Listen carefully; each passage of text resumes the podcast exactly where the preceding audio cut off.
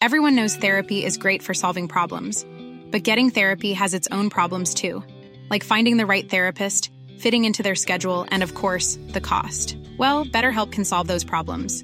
It's totally online and built around your schedule. It's surprisingly affordable too. Connect with a credentialed therapist by phone, video, or online chat, all from the comfort of your home. Visit betterhelp.com to learn more and save 10% on your first month. That's BetterHelp H E L P. Hi, I'm Daniel, founder of Pretty Litter. Did you know cats tend to hide symptoms of sickness and pain? I learned this the hard way after losing my cat, Gingy. So I created Pretty Litter, a health monitoring litter that helps detect early signs of illness by changing colors, saving you money and potentially your cat's life. Pretty Litter is veterinarian developed, and it's the easiest way to keep tabs on your fur baby's health right at home. Go to prettylitter.com and use code ACAST for 20% off your first order and a free cat toy. Terms and conditions apply. See site for details.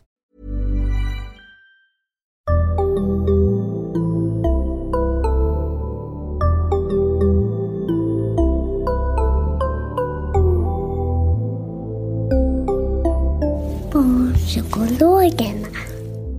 Hej och välkomna till ett nytt avsnitt av Barnpsykologerna, en podcast med Liv Svirsky och Lars Klintvall. Och idag ska vi träffa Ann Fernholm. Hej! Hej! Och vi ska prata om kostråd för barn. Ja, Mm. Kan inte du bara börja med att säga lite vem du är? jag eh, har disputerat i molekylär bioteknik, men sen blev jag journalist för jag tyckte forskarvärlden behöver granskas och jag har granskat området kostråd och liksom hälsa i tio år snart och skrivit flera böcker om barn och mat, barn och socker och nu kommer snart stora boken om barn och mat som ska hjälpa föräldrar att göra rätt från början.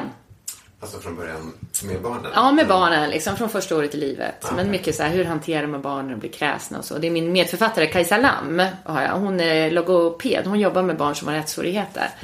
Ja, hon har lärt mig mycket. Mm. Ja, bra, perfekt.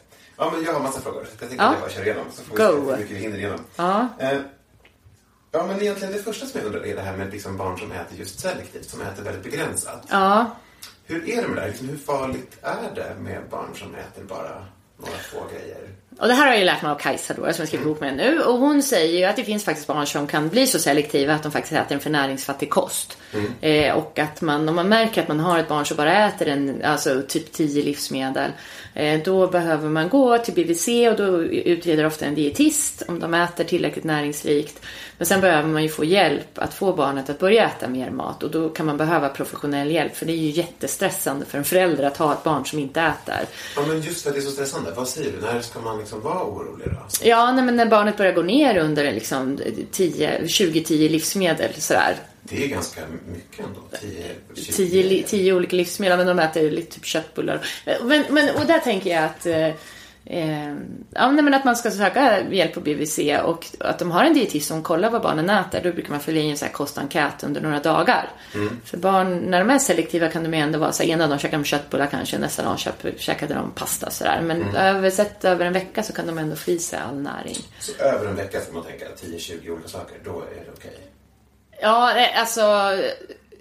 Hur menar du? Ja, nej, men alltså, det, det behöver en dietist. Men det beror på vad de äter för saker. det det beror ju klart. Det är helt inte på. tio olika sorters nej, glass, nej, nej, det är inte- tio. Ja, äter de tio olika sorters glass och det är typ GB-glass, men då är det inte så bra. Liksom. Mm, Men, just eh, men då kan man ju också få tips kanske kring eh, hur man kan få i barnet mer näring. Men det man behöver hjälp med är ju också, som Kajsa säger då, att man behöver få hjälp av en professionell person för att öva barnet att äta mer saker.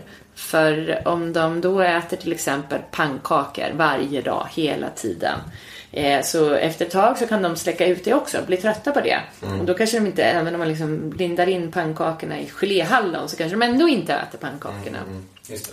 Så att man behöver, bra hon säger att ja, man behöver eh, söka hjälp och det är bra att göra det. Men eh, hur är det med typ socker är ju den stora grejen, tänker jag. Det är Ja, förskolor som är helt sockerfria och Ja, eh, det är väldigt sån noja kring socker, uppfattar jag det i alla fall som. ja men det kan vi behöva tycker jag då. Ja. är det så att socker är giftigt? Eller vad Ja, det är en dosfråga. Och tittar man idag på barn generellt så man, man säger så här att om man äter mer än 10% av sina kalorier från tillsatt socker i maten då. Det är ju inte frukt, för frukt är ju naturligt socker. Utan när man har hällt i det här vita framställda sockret som inte innehåller någon näring, inga vitaminer, inga mineraler, inget som är bra för kroppen. Bara en energigivande molekyl. Eh, då, om man äter för mycket får man i sig för lite näring för kroppen. Och, eh, och då har man en gräns på 10% av alla kalorier. Och de studier som finns idag, det finns alldeles för få studier på det tycker jag, men de ligger, ligger barn generellt på 13-14%. Och då ska man veta att i sådana studier så underrapporterar man ofta sötsaksintaget. Eh, så man, och många barn ligger ju uppåt en 20-25 procent och det är ju alldeles för mycket. Vad betyder det i praktiken? Jag, jag... Ja, men ta, ta att du räknar på ett eh, två timmar långt barnkalas.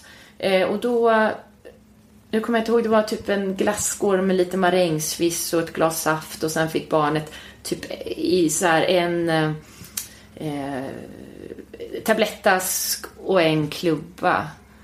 Och, var, och då får man i sig två dubbla dagsransoner socker via det två timmar långa barnkalaset. Och det Så. innebär att den morgonen kan man inte ha sylt i gröten eller äta sötade frukostflingor för då får man i sig ännu mer socker. Det. Så det går väldigt snabbt att frysa. Få föräldrar har koll på hur mycket socker det till exempel finns i godis.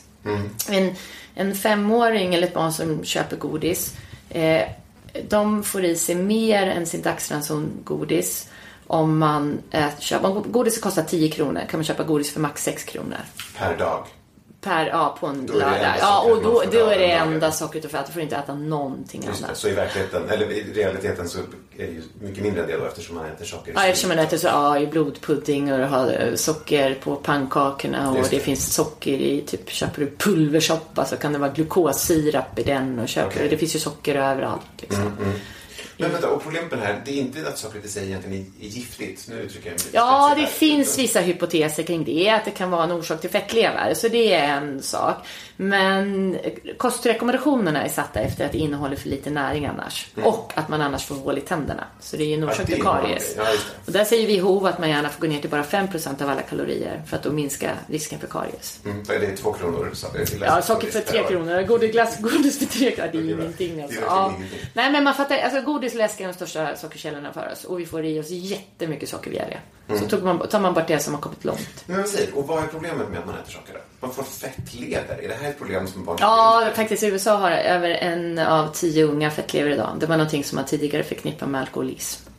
Eh, Så. Och där finns det olika teser som existerar, men en är att eh, sockerarten Vitt socker består av glukos och fruktos och fruktos går in i levern och omsätts i levern precis som alkohol.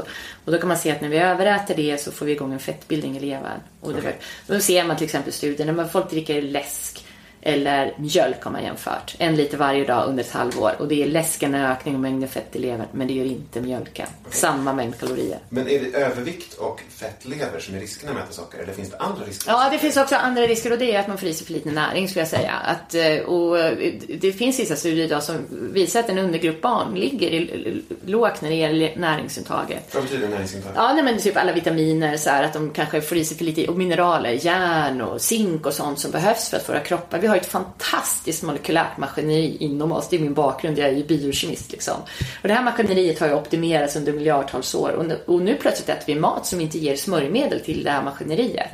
Och det jag har tänkt ganska mycket på, och det här är ju nästan lite så här eh, av, att idag när barn ligger i underkant när det gäller näringsintaget så har jag väldigt mycket funderat på hur påverkas hjärnan då till exempel när de växer och de inte får den näring de behöver. Hur påverkas utvecklingen av hjärnan och så? Det kan man se att de barn när de är riktigt små får för lite järn i sig, då kan man få bestående hjärnskador till exempel. Det finns forskare som menar att barn på, med ADHD borde utredas för järnbrist.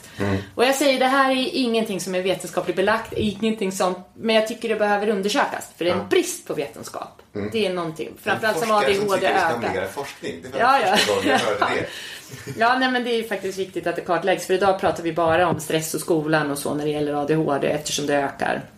Det här är någonting, jag tycker man ska undersöka det här som en potentiell orsak också.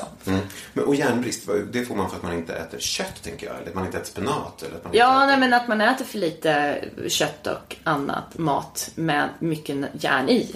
Ja. Som är, vadå, bönor? Vad är det för någonting som det är? Ja, bönor. eh, Det, vi är lättast att ta upp järn från det är ju rött kött. Det är ju absolut det som ger oss ett störst, störst järntillskott. Eh, järn som finns i vegetabilisk föda tas faktiskt upp tre gånger sämre av kroppen. Och dessutom finns det en massa ämnen som hämmar järnupptaget då. Så att om man äter till exempel en vegetarisk kost med mycket mjölkprodukter och, och mycket ägg och så. För mjölk hämmar järnupptaget. Då kan det finnas en risk att man faktiskt ligger väldigt lågt i järnintaget. Mm. Det är bättre att vara vegan än att vara vegetarian. Ja, faktiskt i det fallet. Men det, är- men det är eh, för, barn, för bebisar som äter en vegansk kost. Där kan, alltså ett, en bebis behöver få i sig lika mycket järn som en vuxen man. Mm. Och det är faktiskt svårt att få i sig så mycket järn om man äter vegansk mat. Små barn. Så då kanske man måste ha tillskott. Jag, jag personligen tycker att barn, små barn ska äta kött. Punkt. Mm. För att få i sig den näring de behöver. Va- Bra, vänta. Förlåt. De behöver inte ta klimatansvaret, det kan vi vuxna Nej, göra. nej, just det. ja. Ehm, jo, men det här med, med sockret igen. Förlåt, vi komma tillbaka till det. Så du säger alltså att problemet är snarare att man inte får i sig de andra grejerna. Det är inte sockret som är problemet så mycket som att man inte äter de andra sakerna. Ja, det är ju ett jättestort... ja, Precis, man, när man äter mycket socker får man i sig för lite näring för att man äter för lite annan riktigt bra mat. Just det, Ja. så det är snarare- Sen är det ju många barn som då när man äter mycket sött fastnar i den smaken och gärna vill ha mat som smakar väldigt sött. Det är ju... Och då blir det svårare att äta de här Ja, andra grejerna. Just, ja. nej, men då, så det är inte som att sockret är giftigt, det är snarare som att det får en att inte äta de andra. Ja, i stora doser skulle jag säga att det kan sätta igång processer Just utom i stora Ja, Ja. Hur är det med andra sådana här bristsjukdomar? Har svenska barn liksom bristsjukdomar? Bristsjukdomar som beriberi och, och liksom engelska sjukan. Och det vet har inte vad det är för. Är det typ- Beriberi är ju en bristsjukdom, det är ju D- B-vitaminbrist. Ja. Eh, och engelska sjukan är ju D-vitaminbrist och skörbjugg och sånt, det har man ju inte. Det har så mycket. Jag tror att man ser vissa så här väldigt lågt D-vitamin. Barn som aldrig är ute i solen och så. Solen är ju den viktigaste källan till D-vitamin. Men däremot kan ju många barn ligga lågt. Mm. Är det farligt då att ligga lågt? Ja, det är ju klart att det är inte så bra för kroppens maskineri om man ligger liksom lågt under lång tid. Man behöver ju näring. Så, men tycker du att, barn ska äta sådana här vitamintillskottspiller? Alltså, Nej, det skulle jag inte säga. Man ska äta riktig mat. Det är det viktiga. Det är därifrån vi ska få vår näring. Mm, och, Ja. Alltså riktigt varierad mat? Så. Ja, alltså den, till exempel äggula innehåller i princip all näring kroppen behöver utom C-vitamin. Så att lever du på ägg och kött och, och lite C-vitamin får du egentligen i det det mesta du behöver utom då fibrer till tandfloran. Men eh, så man behöver ju inte äta jättevarierat för att få i sig all näring. Men man behöver äta näringsrikt mat för att få i sig näring. Den mat man väljer att äta. vad sa du för någonting? Äggula, Äggula är bland det mest näringsrika som finns. äggula och lite C-vitamin. Därför är egentligen-. Då har man liksom, då är det bra. Ja, lite apelsin kanske. Och lite apelsin, ja, Ja. bra, precis. Nej men alltså, typ pannkaka är ett utskällt livsmedel. Jag gör ju pannkaka med barn med dubbla mängden ägg. Och sen så byter jag lite vetemjöl mot mandelmjöl faktiskt. Ja, så blir det. This is Paige, the co-host of Giggly Squad, and I want to tell you about a company that I've been loving, Olive and June. Olive and June gives you everything that you need for a salon quality manicure in one box. And if you break it down, it really comes out to $2 a manicure, which is absolutely insane. It's also so easy to get salon worthy nails at home with Olive and June. The difference between how your nails used to look when you did them yourself and now with the Manny system is a complete game changer. The best thing about Olive and June too is it's a quick dry, dries in about one minute, lasts for five days, and full coverage in up to one to two coats. Visit oliveandjune.com slash perfectmanny20 for 20% off your first system. That's oliveandjune.com slash perfectmanny20 for 20% off your first system. This is Paige, the co-host of Giggly Squad, and I want to tell you about a company that I've been loving, Olive and June. Olive and June gives you everything that you need for a salon quality manicure in one box. And if you break it down, it really comes out to $2 a manicure, which is absolutely insane. It's also so easy to get salon worthy nails at home with Olive and June. The difference between how your nails used to look when you did them yourself and now with the Manny system is a complete game changer. The best thing about Olive and June too is it's a quick dry, dries in about one minute, lasts for five days, and full coverage in up to one to two coats. Visit oliveandjune.com slash perfectmanny20 for 20% off your first system. That's oliveandjune.com slash perfectmanny20 for 20% off your first system. Burrow's furniture is built for the way you live. From ensuring easy assembly and disassembly to honoring highly requested new colors for their award-winning seating, they always have their customers in mind. Their modular seating is made out of durable materials to last and grow with you. And with Burrow, you always get fast, free shipping. Get up to 60% off during Burrow's Memorial Day sale at burrow.com slash ACAST. That's burrow.com slash ACAST. burrow.com slash ACAST. Men får jag. Fråga dig om det här med, med alla de här kostråden till gravida. Ja, Det är lite utanför vår topic egentligen, men jag Ja. kör ändå. Ja, men det, det, det är för det Livsmedelsverket som ger de här kostråden. Ja, till till- gravida, ja. ja. Vad tycker du om dem? Är de... Ja men de är väl bra, men det jag tycker de skulle behöva kompletteras med, för det ser man idag, att det är många gravida kvinnor som har fetma. Eh, som föder barn som är liksom större än medelbarnet. Barnen växer för mycket i magen. Och det här kan man se väldigt kopplat till att man har höga insulinnivåer i blodet. Eh, för insulin är en tillväxtfaktor i kroppen. Den triggar tillväxt. Och idag med all den här processade maten med snabba kolhydrater, vi äter massa vetemjöl och liksom... mer processat och, och socker. Ju mer processade kolhydrater man har, desto mer stiger blodsockret efter måltiden och desto högre blir insulinnivåerna. Så jag skulle säga att man skulle komplettera med att eh, ät mat som håller blodsockret på en låg och jämn nivå. För att man inte vill ha För att man inte vill ha de här övervikt. kicken. Ja, Det ja, är övervikten som är problemet.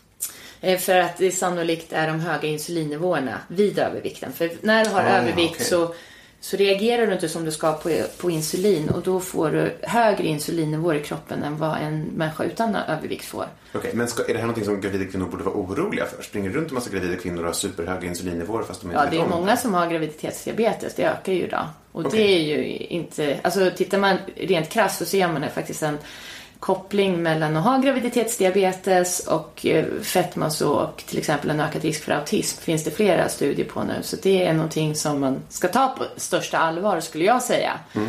Eh, Men jag säger inte att fetma, men, och det här är ju en riskökning. De flesta kvinnor som har fetma följer ju för, för fullt friska barn. Men man ser att risken för en komplicerad förlossning ökar. Man ser faktiskt att risken att föda för tidigt ökar. Det finns väldigt många riskökningar.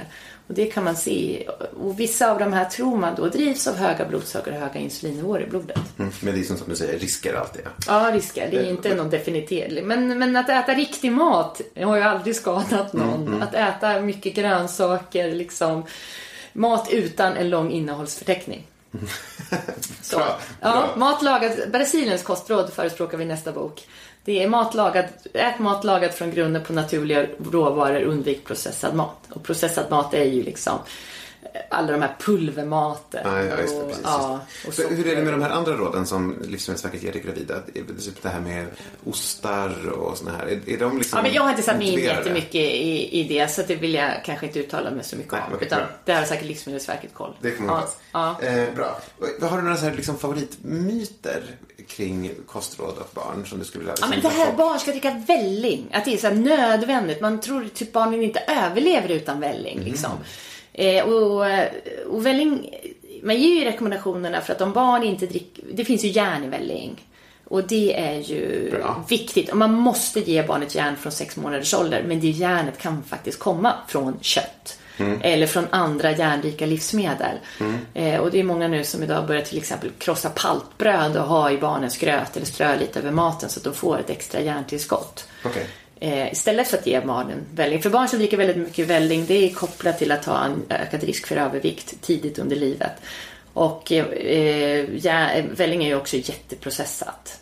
Och när barn bara dricker energi så övar de inte att äta och då kan det finnas en risk att man inte lär barnen äta riktig mat och det bör man göra under första året i livet. Alltså liksom exponera dem för massa olika mattyper. Ja, för att, för att få barnen att äta riktigt. Just Men de behöver öva på mat av olika konsistens i munnen. Och då är välling och klämmisar, det är ju bara så här flytande föda som är lite söt också. Välling kanske inte är så sött, men, men det smakar likadant. Det är en neutral smak. Så de övar varken smak eller att ha typ en slemmig äggröra eller så krämig avokado i munnen. Det behövs övning för att tycka att det är skönt att ha i munnen. Mm, bra, så att man fortsätter äta det sen. Ja, liksom. precis. Det är viktigt. Hur är det med såna här äh, allergiråd och sånt där? Ja, men det är också, om man tittar på myter kring barn och mat då, då är ju till, en sak som man har sagt är att man ska undvika allergiframkallande mat för då kan man skyddas mot allergier. Mm. Nu har ju forskningen ganska faktiskt bra visat att det är precis tvärtom.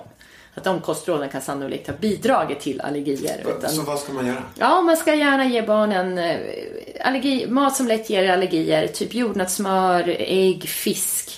Eh, tidigt under livet. Alltså gärna redan innan sex, gärna direkt efter fyra månaders ålder. Kan man, och då ska man inte ge massa, utan man ska ge en liten, liten klick på ett finger. Så att man får in det i tarmarna.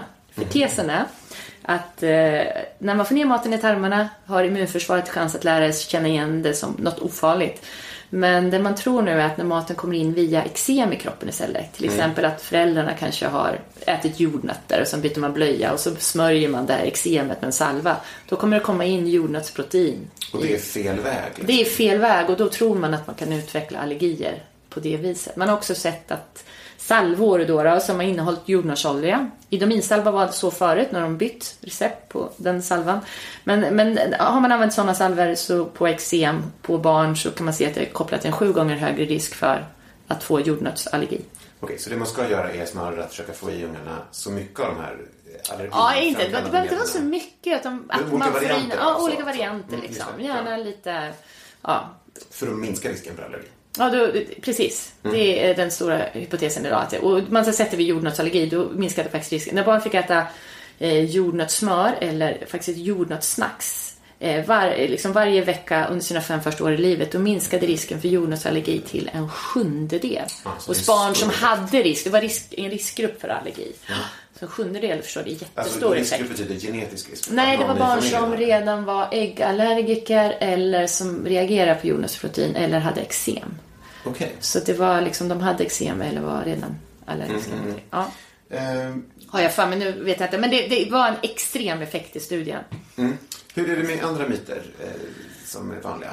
Ja, men man har ju sagt att barn ska äta gluten för att då skyddas mot glutenintolerans så ska de äta gluten mellan fyra och sex månader. Mm. Det har man nu också sett att det är ett effektlöst råd. Så det är... Så det är inte en sån allergiråd som gäller att man Ja, det, och glutenintolerans är en autoimmun sjukdom. Ja, det, är inte... en allergi. Okej, man måste skilja på det. Det är två skilda saker. Mm. Så det, är- det är ju konstiga är då att man har sagt att man ska undvika jordnötter för att minska. Och det var fel. Men gluten har man sagt att man ska äta tidigt och det visar sig nu i studier att det är effektlöst. Okej. Men det är två olika delar av immunförsvaret som är inblandade. Så man får inte blanda ihop de här två olika Mm, tillstånden. Hur är det med typ salt? Sånt där som man ska ta bort salt ur maten för barn? Ja, men det har man ju också överdrivet. Att bebisar, det skulle... Alltså jag var ju rätt så rädd för salt så jag fastnade i barnmatsburkar till mina barn. För det var liksom skrämselpropaganda nästan. Eh, så att eh, det är klart att små barn, alltså en liten, litet barn kan prova en oliv eller en bit sill eller sådär. Mat som, man ska inte hälla salt i maten för de har outvecklade njurar. Men att äta mat som är lite salt från början. Är Vad är det salt som vuxna också äter? Den nivån, är den rimlig? Nej, alltså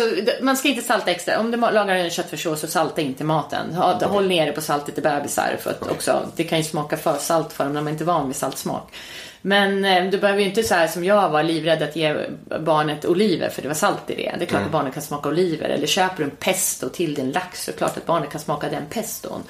Så det har varit en överdriven rädsla. Men nu upplever jag att barnmatsföretagen, för att ta en annan myt eller vad man ska säga. Istället för, istället för att skrämmas med salt så säger de så här, ja, eh, grönsakerna i grönsaksdisken, de kan ju vara giftfria. Men vår mat är mycket bättre kollad. Eh, och då skrämmer man, det är liksom en skrämsel. Då tänker ju, De säger det kan vara giftigt. det kan vara, det då tänker ju föräldrar, "Åh, herregud är det gifter i Det den antagligen maten? gifter. Ja, den är antagligen gifter, då måste jag äta de här barnmatsburkarna. Och, och Semper skriver på sin hemsida så här att visste ni att bara 6% av all havre duger till spädbarnsmat? Eh, varpå folk inte kommer våga köpa vanliga havregryn och koka en gröt till sina bebisar. Utan måste köpa någon sorts special Ja, då måste man köpa, nej, men då måste man köpa spädbarnsgröten. Den som Mm. är den här superpulvergröten som är extremt processad mat. Med massa så här koncentrerad fruktjuice i och grejer. Eh, men eh, det som då Livsmedelsverket säger är att det, det är ju högre krav på spädbarnsmat. Men det är väldigt lite gifter i den andra maten också. Så att alla kan äta den mat som finns i svenska livsmedelsbutiker. Vill man hålla nere på bekämpningsmedel och sånt i maten till sina spädbarn så ska man köpa ekologiskt eh, eller svenskt. För i svensk mat är det generellt sett väldigt lite gifter. I svenskt frukt och grönt så kan du se att det är mindre eh, bekämpningsmedel. Men det, det, all, allting ska ju ligga under gränsnivåerna som säljs under, i en svensk butik. Och Så att det, vad man än köper så kan det inte vara så himla farligt. Nej, precis. Barn kan äta den mat som finns i svenska livsmedelsbutiker från första året i livet. Alltså att man kan ju äta under, från det att man börjar äta mat så kan man äta den mat som finns i butiken. Ja. Med vissa undantag och då är det här med spenat och lite olika saker. Men det, säger ju Livsmedelsverket vad det är. Det är bara ett liksom, fåtal varor Okej. som man ska undvika. Eh, jättebra. Vill du avslutningsvis, har du någon sorts eh, boktips? Till exempel din egen bok? Ja, det kommer en jättebra bok den 5 mars, stora boken om barn och mat. Där har vi verkligen försökt samla den kunskap som finns. eh, kring hur man lär barn äta mat och hur man liksom får dem att äta bra mat. Men också så här, kostråd kring allergier och gluten. Och eh, vi går också igenom vad är processad mat? Det är ett jätteluddigt begrepp. Men jag skulle säga att det forskningen tyder på nu det är att vi ska, för vår hälsas skull, ska äta mat lagad från grunden på naturliga råvaror. Undvika all detta processade som man har börjat framställa. Jättebra. Tack Ann. Tack så jättemycket. Ja. Kul att få vara med. Eh, och eh, tack ni som lyssnade. Barnpsykologerna finns på Facebook och på Instagram. Hej då!